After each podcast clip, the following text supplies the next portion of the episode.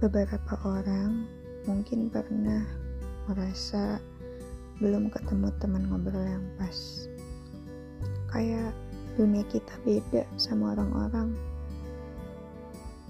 Terus karena bingung, ya udah ngobrol sama diri sendiri.